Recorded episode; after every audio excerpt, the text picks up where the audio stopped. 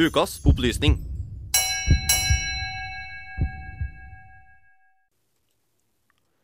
Mandag. Liksom hele tida på etterskudd. Det er for, eh, for lite søvn, for mye kaffe. Kvelden kan ikke komme fort nok. Men først er det redaksjonsmøte klokka fem. Ideer foreslås, drøftes, vedtas, møtet heves. Jeg skal lage ukens opplysning.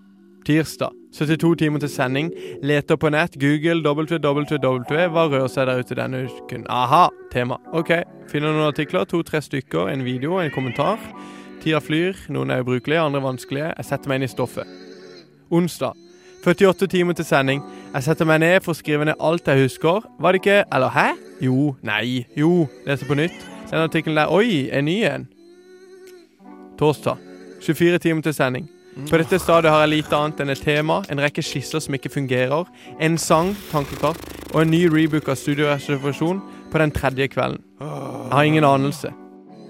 Torsdag. Ti timer til sending. Hvordan kan dette løses? Har jeg fortsatt tid til å velge noe nytt? Er det et valgresultat som trenger forenkling? Jeg kunne vært på pub nå. Jeg kunne vært med venner nå. Faen, ass. Hei, Anna. Sorry, men eh, det blir ingen ukens opplysning. Jeg er sykt busy denne uka. Dessuten så er jeg litt småforkjøla. Ja ja, greit det. Vi ses mandag. Hei. Til mitt forsvar så drar jeg ikke til pub den kvelden. Jeg lager mat, jeg ser en episode, leser litt pensum før jeg sovner i en dyp søvn. Hvilket skulle vise seg å være det smarteste jeg kunne gjort. Det er delte meninger eh, blant forskere hva søvn gjør med en. Enkelte mener søvn konsoliderer minner, organiserer det man har lært, og gjeninnfører de endringene hjernen har opplevd gjennom en dag. Tidlig fredag morgen. Jeg ser ut vinduet og tenker hvor sykt fort det blir mørkt på den tida døgnet.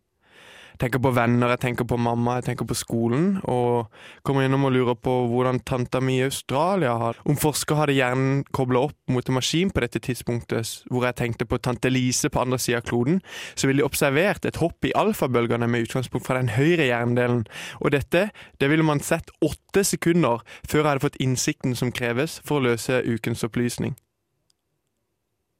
ett sekund før innsikten treffer meg, så ville man sett at området som tar inn visuell informasjon, det går i sort.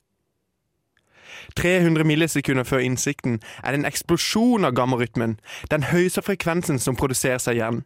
Det er enormt mye aktivitet i det området som trekker sammen informasjon fra helt ulike deler av hjernen. Yes! Yes, yes, yes, Jeg opplever yes, yes, av yes. innsikt. Mitt eureka-øyeblikk. Noe stort har nettopp dukket opp rett foran meg fra innsida. Øynene mine blir vidåpne. Jeg føler en intens og umiddelbar ekstase. Yes! Det er det. Jeg viste der og da at jeg hadde funnet løsninga, selv om jeg egentlig ikke kunne sette ord på hva løsninga var der jeg lå i senga. Mønstre som tidligere ikke hadde passet sammen, føltes plutselig som om det gjorde det. Det var en sensasjon heller enn en tanke, en følelse av religiøs kontakt. Som Robert Burton skrev i sin bok On Being Certain. Følelsen av vite riktighet, overbevisning og skråsikkerhet det er ikke et resultat av rasjonell slutning. Det er en mental sensasjon som skjer med oss. Sitat slutt. Å gud, så digg det føles. I ettertid så vil jeg forstå at det hele ikke bare poppa opp, men det kom som et resultat av alle stegene frem til dette fredfulle øyeblikket i senga.